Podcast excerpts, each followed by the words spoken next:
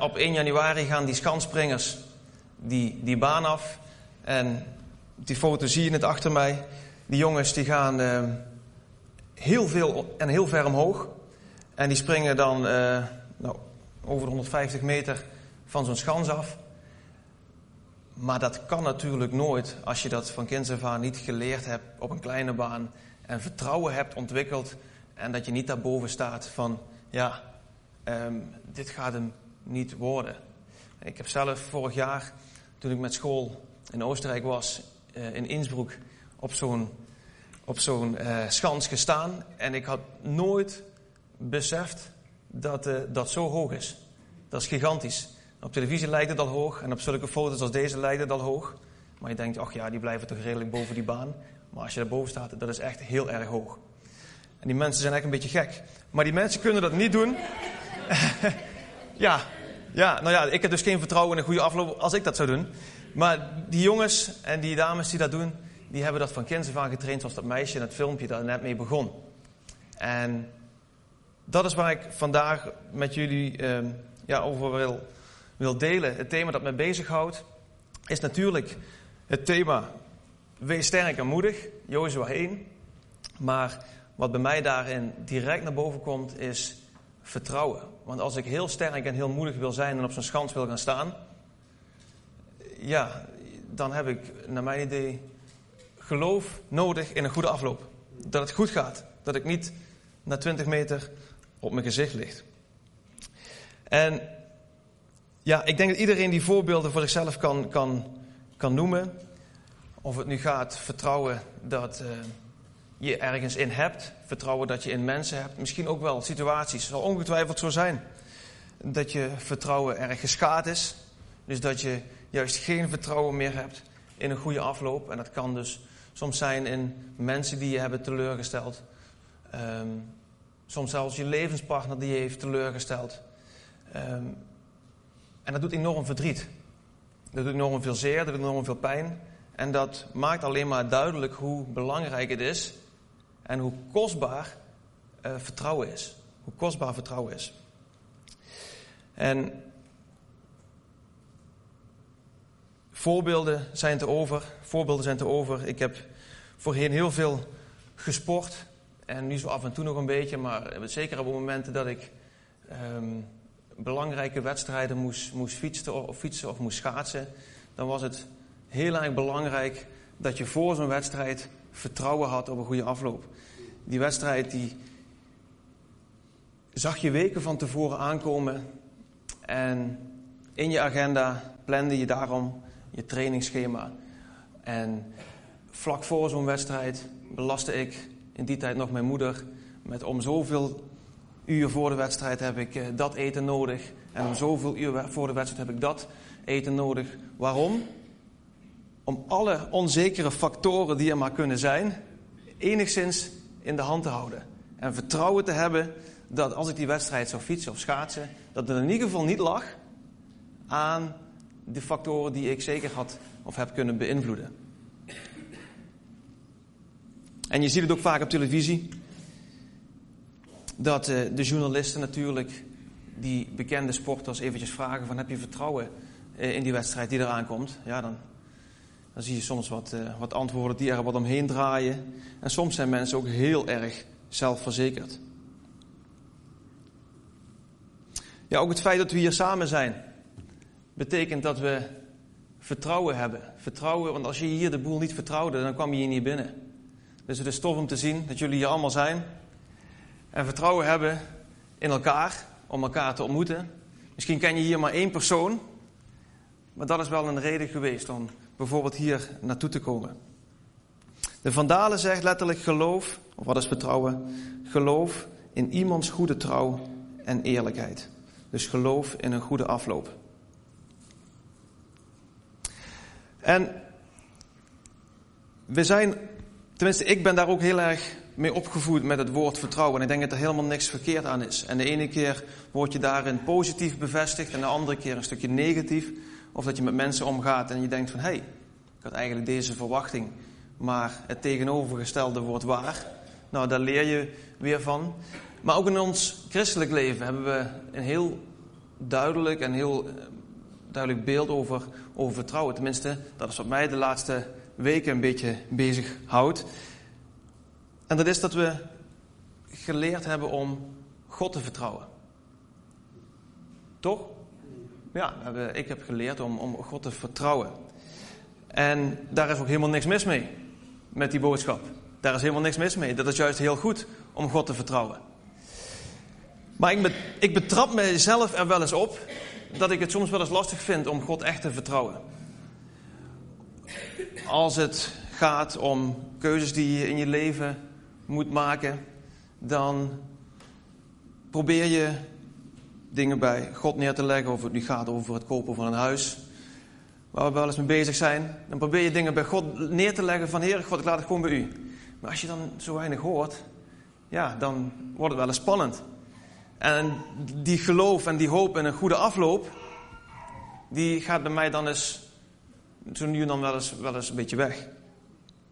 Maar toch is het goed dat we God leren vertrouwen. Want Hij is altijd bij ons. Hij is om ons heen, Hij woont in ons. Dat is wat we lezen in het woord. En ik wil met jullie meegaan vandaag, of jullie meenemen eigenlijk, naar die struggling die je wel eens kan hebben als het gaat om vertrouwen. Want wat is vertrouwen eigenlijk? Nou, dat hebben we net gezien. Die opdracht die we volgens mij heel duidelijk hebben om God te vertrouwen en wat daaraan vooraf gaat. Want die opdracht, of die wijze les die we allemaal hebben gehad om God te vertrouwen, die staat ook gewoon netjes in de Bijbel. Jullie mogen met mij lezen Romeinen 4. Romeinen 4, vers 1.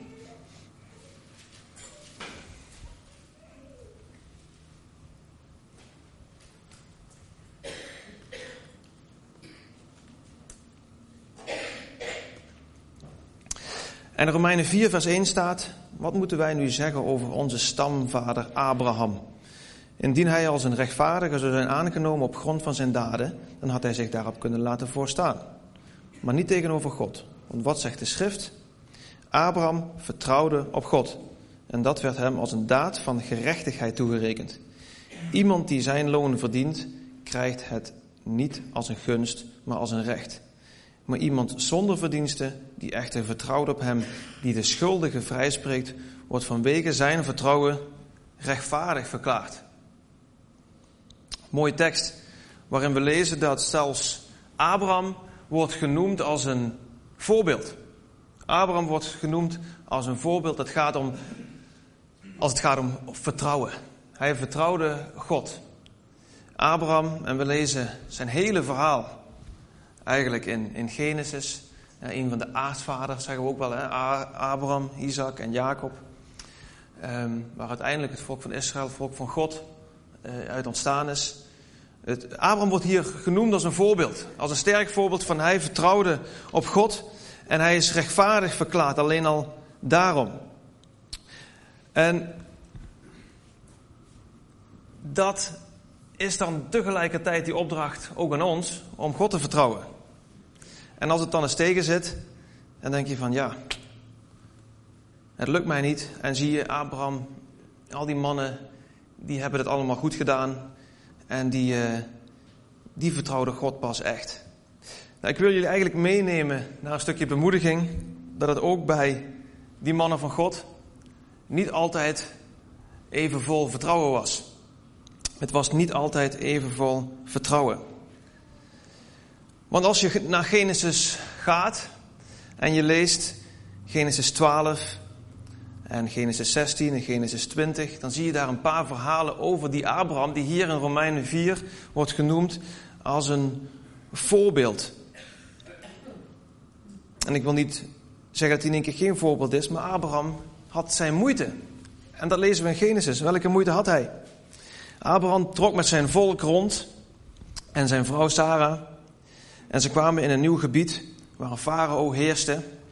En die farao, die kwam erachter dat Abraham met zijn familie, met zijn gezin, met zijn vee, met zijn vrouw het land binnenkwam. En Abraham wist dat hij een ander land zou betreden. En wat was zijn grote angst? Zijn vrouw Sarah.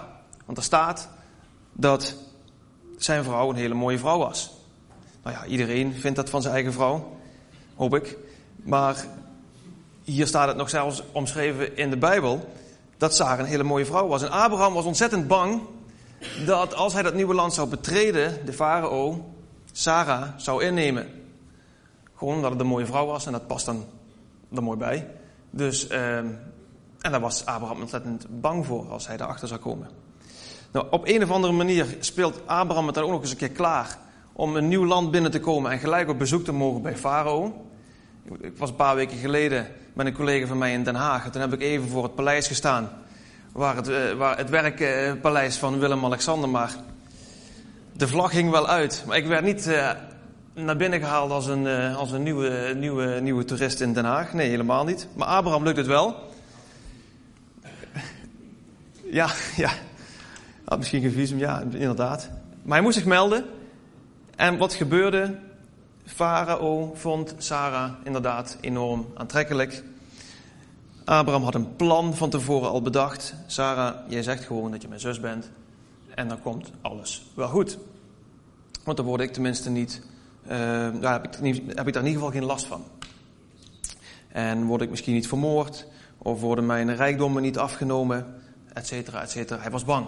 Hij had geen vertrouwen in een goede afloop. En daarom bedacht hij zelf een plan. Nou, wat gebeurde er? Farao ontdekte dat het inderdaad uh, familie was, maar niet zijn vrouw. Dus innemen die handel. Nou, allerlei plagen komen over Egypte. Farao schrikt zich helemaal rot en komt erachter dat Sarah, want dat was het laatste nieuwe gebeurd aan het hof, zo stel ik me dat dan voor. Hè? Die plagen zijn, eh, wat is hier veranderd? Nou, Sarah is hierbij komen wonen, dan zal dat het wel zijn. Abraham weer aan het hof. Dat klopt hier eens niet. Ja, sorry, het is ook mijn vrouw. Ai, pijnlijk. Pijnlijk. En Abraham mag Sarah weer meenemen. Ze worden niet vermoord. Helemaal niet. En ze verlaten het gebied weer. Abraham vertrouwde op God. Maar je ziet dat hier Abraham ook te maken had met twijfel. En die goede afloop, ja, daar was hij hier toch niet zo zeker van. Nou, jullie kennen misschien de voorbeelden van Abraham. Maar er zijn er meer, hè. Sarah en Abraham hadden de belofte dat ze een zoon zouden krijgen. En dat gebeurde niet, in ieder geval niet op het moment dat zij dat zelf heel erg verwachten. En Hagar de dienstmeidknecht uh, van, van Sarah zou je kunnen zeggen. Hè? Was veel bij Sarah in de buurt als je dat in Genesis leest. Uh, zij, uh, zij wordt eh, ja, als tweede vrouw. Ehm, daar heeft Abraham gemeenschap mee en dan wordt Ismaël geboren. Om te voorkomen dat er in ieder geval geen nageslacht is. Ook hier zien we dat Abraham dat vertrouwen in een goede afloop niet heeft. En dan zelf dan zelfs als je ziet dat, dat, dat God daar dus toch voor oplossingen zorgt, bij de farao, bij de geboorte van Isaac, bij, de, bij de geboorte van zijn eigen zoon met Sarah, dan zie je dat zijn vertrouwen op een of andere manier nog niet heel erg groeit. Want in hoofdstuk 20 gebeurt het nog, nog een keer. dan is er een koning waar ze in het gebied komen, Abi Melech. In hoofdstuk 20 zie je dat, Genesis 20. En daar gebeurt eigenlijk precies hetzelfde als bij de farao gebeurde. Ook daar is Abraham bang voor een foute afloop. Ik had het verhaal niet eens zo heel erg in mijn hoofd zitten, tot ik het deze week nog eens een keer nalas. En ik dacht van, dat is wel heel bizar, dat dat twee keer fout gaat dus. Hij vervalt eigenlijk in dezelfde, in dezelfde fout. Maar tegelijkertijd, toen ik het las, was het ook voor mij een enorme bemoediging. Want God rekent Abraham niet af. Zijn plan, het plan van God voor Abraham, dat daar een nageslag zou komen, ontelbaar groot, dat daar het volk van God uit zou voorkomen. Dat plan, dat had God al lang voorbedacht. Dat plan heeft hij niet van de kaart geveegd. Um, dus je ziet dat op een of andere manier God ons daarbij helpt.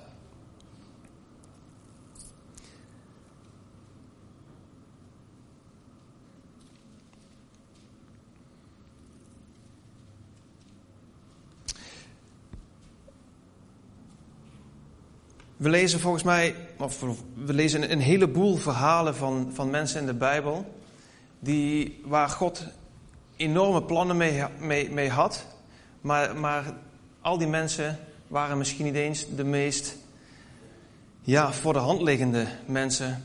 Als je het hebt over het verslaan van een grote reus, dan zou, ja, als het aan mij lag, als ik, het zou, als ik zou nadenken over het verslaan van een groot leger, ja, dan zou ik gaan zoeken naar een ander groot leger om dat grote leger te verslaan.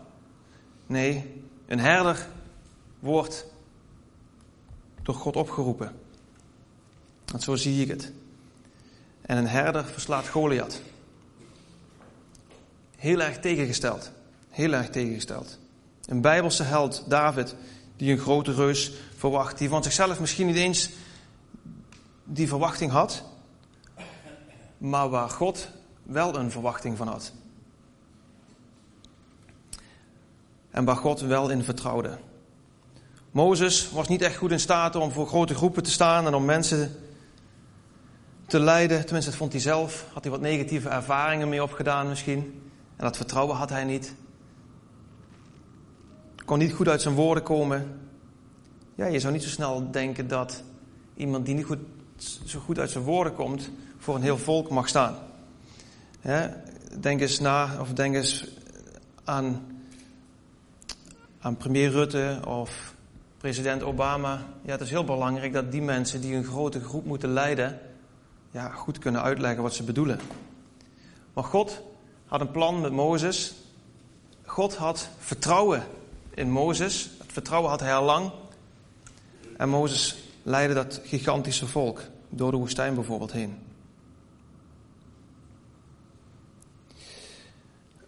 Een christenhater in de Bijbel wordt door God eigenlijk overdonderd en wordt een volgeling van God en wordt een groot verspreider van het evangelie, Paulus.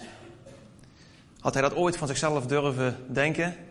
Nou, misschien wilde hij het helemaal niet, want hij, was, hij kwam zelfs uit de tegenovergestelde kant. Paulus was een grote ja, christenvervolger. Iemand die heel veel thuis zat, nooit heel veel dingen buiten deed. Veel bij zijn ouders aan tafel, zo stel ik het maar voor. Een beetje gezien werd als een loser.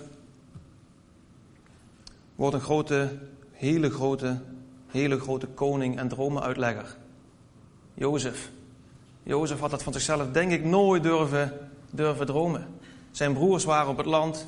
Zijn broers waren op jacht. Zijn broers waren aan het werk, buiten. Waren misschien wel met groepen mensen bezig, Jozef niet. Hij bleef thuis. Maar toch vertrouwde in de eerste plaats God Jozef.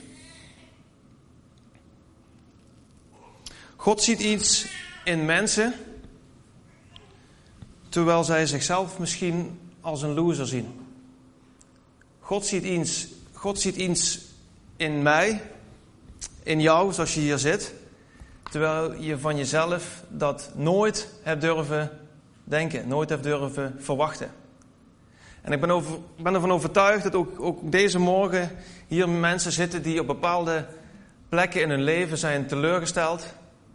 Of dat nu is wat ik net zei, in misschien wel een liefdesrelatie die kapot is gegaan. Omdat je je vertrouwen hebt gegeven, maar van de andere kant werd het vertrouwen enorm geschaad. Of omdat nu is, omdat die opleiding waar je aan begonnen bent niet gelukt is. En je nu eigenlijk geen vertrouwen meer hebt in het feit dat je misschien een andere opleiding zou kunnen beginnen. Gewoon omdat je negatieve ervaringen hebt opgedaan. Ik denk dat we allemaal hier voorbeelden sterker of minder sterk kunnen geven over situaties in ons eigen leven waar we wat vertrouwen missen. Vertrouwen om te gaan staan in die Bijbeltekst die we als thema hebben genomen voor dit jaar, wees sterk en moedig. Want dat zou het bij je kunnen oproepen. Ja, leuk, wees sterk en moedig. Mooi, wees sterk en moedig. Maar ik ben net gescheiden. En ik heb eigenlijk helemaal niet het gevoel dat ik sterk en moedig ben. Of ik kamp met een ziekte. En wees daar maar eens heel sterk en heel moedig in. Dat zijn geen makkelijke dingen. Maar als ik lees wat God hier doet met een heleboel mensen die wij zien als hele grote Bijbelhelden, dan zijn dat stuk voor stuk situaties van mensen die dat niet eens zozeer vanuit hun eigen gedrag of fouteloze gedrag hebben gedaan, maar die hebben dat kunnen doen omdat in de eerste plaats God deze mensen vertrouwde. En niet andersom, want zo zou je het kunnen zien. Zo, zo, zo, zo zag ik het eigenlijk altijd. Ik moet God vertrouwen. En daarin moet ik oppassen dat ik niet te veel fouten maak. Moet ik uh, op het rechte spoor blijven. Moet ik uh, sterk en moedig zijn.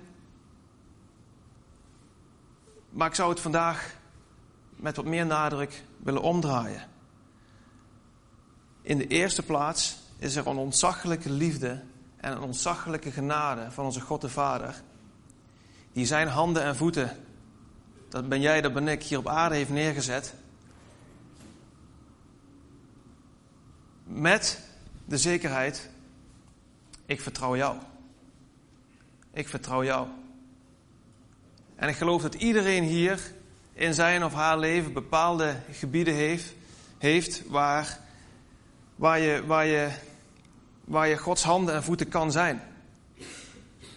Als ik op school of als jij op je werk een collega ziet staan of ziet zitten in de pauze alleen, dan zou je er een keer voor kunnen kiezen, bijvoorbeeld om naast die collega te gaan zitten en gewoon eens te vragen van hoe gaat het met je? En misschien is dat wel de vraag waar die persoon al vier maanden om roept. En wat doet God eigenlijk daardoorheen? Ja, daar, daar, daar zal Hij jou in gebruiken. Zo heeft Hij voor ieder van ons, heeft God dingen in zijn of in jouw leven waar, waar, waar Hij jou wil, wil toevertrouwen. Eigenlijk met zijn werk. Hij wil jou toevertrouwen. Hij zegt, wees sterk en moedig, want ik sta naast je. Ik woon zelfs in je. En we lezen dat dus hier in de Bijbel en, en door, door al die grote helden heen. Voornamelijk de, de namen die ik nu genoemd heb, uh, mensen uit het Oude Testament. Maar er zijn ontzettend veel Bijbelteksten die we kunnen lezen naast die opdracht, wees sterk en moedig. Waarom kun je sterk en moedig zijn? Waarom kan jij sterk en moedig zijn? Omdat God jou een heleboel voorbeelden heeft gegeven, maar God heeft ons ook een heleboel beloftes gegeven. En als God ons iets belooft, kijk naar de verhalen van Abraham.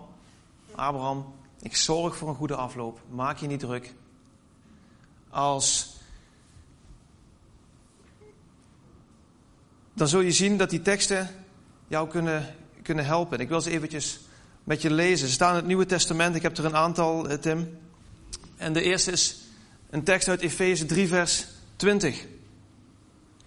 Aan hem die door de kracht die in ons werkt, en dus niet misschien in ons werkt, aan hem die door de kracht die in ons werkt, bij macht is oneindig veel meer te doen dan wij vragen of denken. Aan hem komt de eer toe. In de kerk en in Christus Jezus tot in alle generaties, tot in alle eeuwigheid. Amen. Hier lees ik dat door Hem de kracht die in ons werkt, en dat gaat over die kracht die van God komt. Jezus, zijn Heilige Geest, die die aan ons gegeven heeft, om iedere dag in ons te zijn, om in ons te werken. Filippenzen 4. Ik weet wat het is om gebrek te lijden, maar ook wat het is om rijkdom te leven. Ik heb alles aan de lijve ondervonden. Overvloed en honger, rijkdom en gebrek, maar ik ben tegen alles bestand door Hem die mij kracht geeft. Mooi toch? En dit zijn niet beloftes en dit zijn niet teksten die alleen maar voor de personen in de Bijbel zijn. Nee, God heeft ons die Bijbel gegeven als een leidraad, een richting in ons leven. En dus mogen we die beloftes ook pakken om toe te passen in ons eigen leven.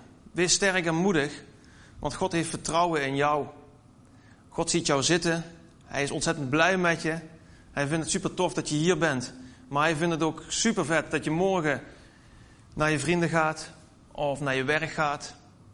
En dat je die kleine dingen met hem samen aanpakt om zijn handen en zijn voeten te zijn. En niet omdat hij eraan twijfelt en zegt van nou begin maar klein.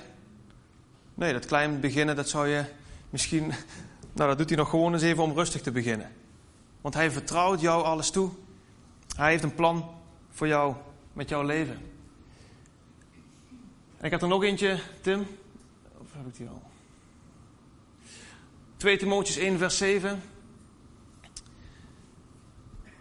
God heeft ons niet een geest van lafhartigheid gegeven, maar een geest van kracht, liefde en bezonnenheid. Het is niet de vraag of die kracht er al is. Nee, hij heeft hem al in ons gelegd. God heeft ons een geest van kracht, liefde en bezonnenheid gegeven. En in die kracht mogen wij staan. En die belofte mogen wij staan. En die hulptroepen mogen wij aanroepen ook als wij denken van... Ja, Heer, het vertrouwen is bij mij geschaad. Kunnen die bij mij komen om dit te herstellen? Dan geloof ik dat God antwoord geeft. In Handelingen 1 vers 8.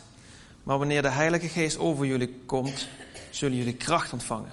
En van mij getuigen in Jeruzalem, in heel Juda en Samaria, tot aan de uiteinden van de aarde. Jullie zullen niet als het uitkomt kracht ontvangen. Of als je heel veel Bijbel gelezen hebt, kracht ontvangen. Of als je al vijf jaar of tien jaar christen bent, kracht ontvangen. Nee, de Heere God zegt, je zult kracht ontvangen. Zet je mij bovenaan, kies je van mij, vertrouw je mij, wil je me leren vertrouwen? Weet dan dit, ik vertrouw jou al lang. En we gaan samen door. En je zal die kracht van mij ontvangen. En misschien denk je nog steeds, ja, ja, nu kies je wel een beetje weer die Bijbelteksten uit die gaan over die kracht. Maar dit is het.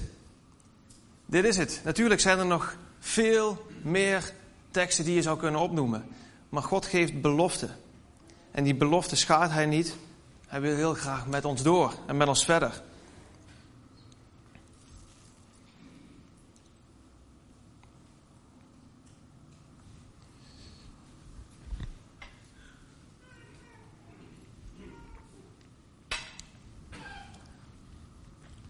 Waar wij denken te mislukken, daar ziet God een kans. Waar jij denkt te mislukken, daar ziet God een kans. En ik vind dat wel een lastige, moet ik ook zeggen, om voor mezelf wel eens toe te passen. Maar God vraagt aan ons om sterk en moedig te zijn, omdat wij de Allermachtigste, de Allergrootste, de Heer der Heren, de Majesteit, de Koning der Koningen in ons hebben wonen. Amen. Hij woont in ons.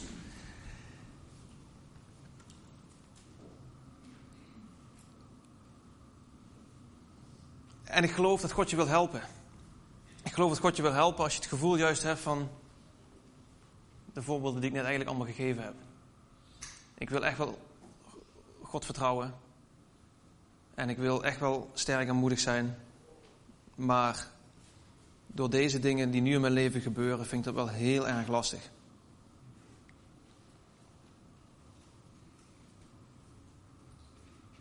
En dat kan ik goed begrijpen. Dat kan ik goed begrijpen. Maar laten we deze morgen samen opnieuw zeggen: Heere God, dank u wel dat u in de eerste plaats mij vertrouwt. Dat u in de eerste plaats mij ziet zitten. Dat u blij met mij bent. Zoals u blij was met een stotteraar. Zoals u blij was met een schaapsherder. Zoals u blij was met iemand die niet veel buiten kwam. Zoals u blij was. Meer voorbeelden staan er met mensen die in de Bijbel gewoon gedeprimeerd hadden, waren of, of zware burn-outs leek het wel hadden. U was met hen blij. U bent met ze aan de slag gegaan en ze, waren tot dingen, of ze zijn tot dingen in staat geweest die ze zelf nooit hadden durven verwachten of durven hopen of durven dromen. Maar het werd mogelijk omdat u dingen in ons legt. Dan zullen we deze morgen God daarvoor danken. En ik zou dus heel graag willen omdraaien vandaag. Om, om natuurlijk dat vertrouwen in God te hebben, belangrijk, supergoed. Maar om met alles wat in ons is, of zoveel mogelijk wat in ons is, te zeggen: God, dank u wel. Dank u wel dat u mij vertrouwt. Vind jij jezelf niet goed genoeg? Misschien verwacht je wel heel erg weinig van jezelf. Omdat je denkt dat je iets niet kan. Maar zullen we vanavond of vanmorgen opnieuw ja zeggen tegen die belofte van de Vader? Zullen we dat doen? Opnieuw ja zeggen tegen God de Vader. Dank u wel dat u mij in de eerste plaats vertrouwt en dat daaruit zoveel dingen mogelijk zijn en kunnen voortvloeien. Misschien ben je bang om, om in een kleine groep iets te delen, ervaringen te delen of een getuigenis te geven. Ik geloof, als je daarna uitstrekt, dat God met jou echt wel aan de slag wil. Tot het moment daar is dat je die getuigenis wel durft te delen. Of je misschien wel die kleine groep zelf durft te starten.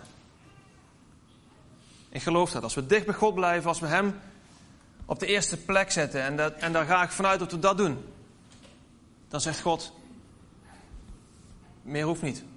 Je hoeft het toch niet zelf te doen, want ik maak alles mogelijk. Ik maak alles mogelijk.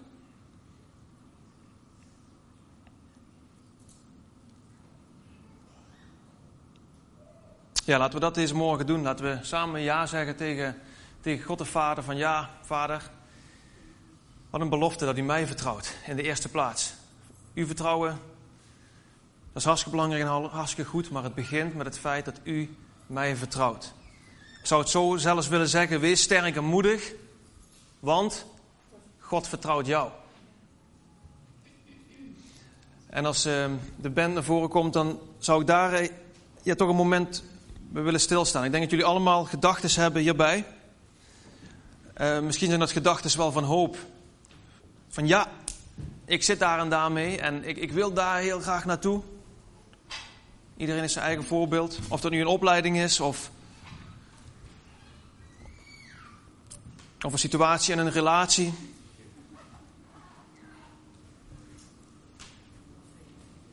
Of die persoon op je werk waar je al heel lang van denkt, eigenlijk zou ik daar eens een praatje mee moeten doen.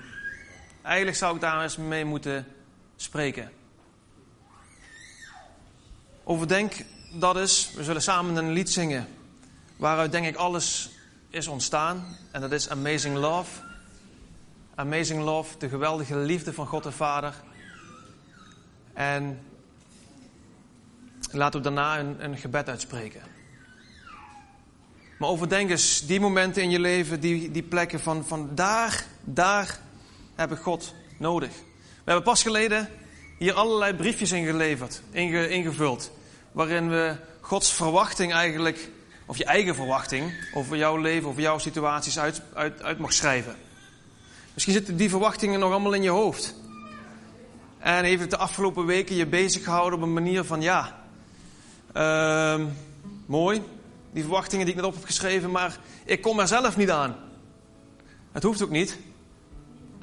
Want Hij die in ons is, is sterker dan Hij die in de wereld is. En Hij zal en wil ons helpen.